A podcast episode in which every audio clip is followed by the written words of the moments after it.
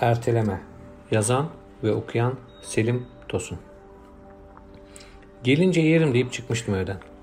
Ertesi gün döndüğümde ne onu yenecek bir yanı ne de benim isteğim kalmıştı. Dokunulmadan öylece çöpe gitmişti canım kalbura bastı. Tıpkı 2020 yılının başlarında bir gün oturup bir şeyler içelim dediğim dostumla aylar sonra zar zor bir araya gelişimiz gibi. Öfkenin en iyi ilacı ertelemektir demiş Seneca. Bunun dışında da ertelemenin bir şeye iyi geldiğini ben hiç görmedim. Sonu hep pişmanlık, hep hayal kırıklığı olmuştur. Ertelediysen sevdiğine sarılmayı, dostla muhabbeti, bitirmen gereken işi, okuman gereken kitabı, çıkman gereken yolculuğu, çok azını gerçekleştirme şansı bulmuşsundur. Ertelemek insanın tembelliğinden değil, kendine ve geleceğe aşırı güveninden gelir. İnsan o kadar emin ki yarının olacağından ve o kadar emin ki bekleneceğinden canının istemediği bir anda zorlamak istemez kendini. Ertelemenin daha mükemmelini yapabilmek için zaman kazandırdığı düşünülebilir. Ama genellikle sonuç kısıtlı zamanda yapılmış baştan sağma işler, davranışlar olarak ortaya çıkar. Erteleyen için zaman hep vardır ve daha iyisi için şartların olgunlaşması beklenmelidir. Hani akıllı düşünene kadar deli dağlar aşar denir ya, biraz öyle sanki. Kuşkusuz bekleyen ile hemen yola düşenin yolda başına gelenler farklılıklar gösterebilir. Sanırım her deliye bir akıllı, her akıllıya da bir deli gerekir. Genellikle mükemmelliyetçi kişiliklerde ortaya çıkan erteleme eğilimi harekete geçiren bir dürtü olmasa eyleme dönüşememe ihtimalini hep içerir. Tıpkı iyi planlanmamış eylemlerin hüsranla sonuçlanma ihtimalinin olduğu gibi. Sanırım İngilizce procrastination terimini ilk kez duyan sadece ben değilimdir.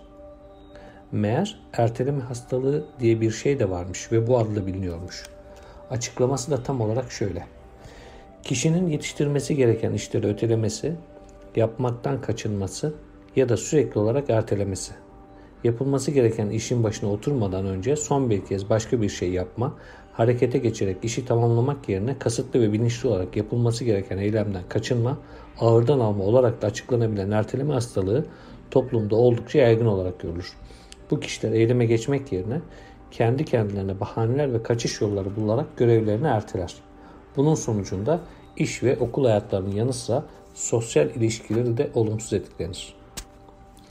Bu sendromdan müzdarip kişiler sanal ortamda kısa bir araştırmayla nedenleri ve tedavisiyle ilgili çeşitli önerileri, önerileri kolayca bulabilirler. Tabi bilgisayarın başına oturunca akıllarına gelen diğer işleri yapma dürtüsüne karşı koyup bu araştırmayı yapabilirlerse. Biraz klişe olacak ama keşke yerine iyi ki demenin insan psikolojisi üzerinde daha olumlu etkisi olduğu herkes tarafından kabul edilir. Erteleme davranışıyla kaçan fırsatlar ve bir daha geri gelmeyecek anlar insanda derin yaralar açabilir. Daha iyisini yapabilmek için ertelediğiniz işlerden bahsetmiyorum. Gözünüzün önünde büyüyen çocuğunuzla geçireceğiniz zamanı ertelediğinizde o anlara dönmeniz artık mümkün olmayacak. Ya da babanızla geçiremediğiniz zamanlar için ne kadar üzülseniz geç olacak. Sevdiklerinizle geçireceğiniz zaman için telafisi mümkün işlere mümkün işlerin ertelenmesi tercih edilebilir bir durumdur. Hatta işlerinizi bir plana oturtur, erteleme hastalığına da tutulmazsanız her ikisinin de hayatınızda bir düzen içinde gitmesi her zaman mümkündür. Hayat, ertelemelerimiz nedeniyle kaybedilenlere duyulan özlemle ertelemelerin verdiği gerginlik arasındadır.''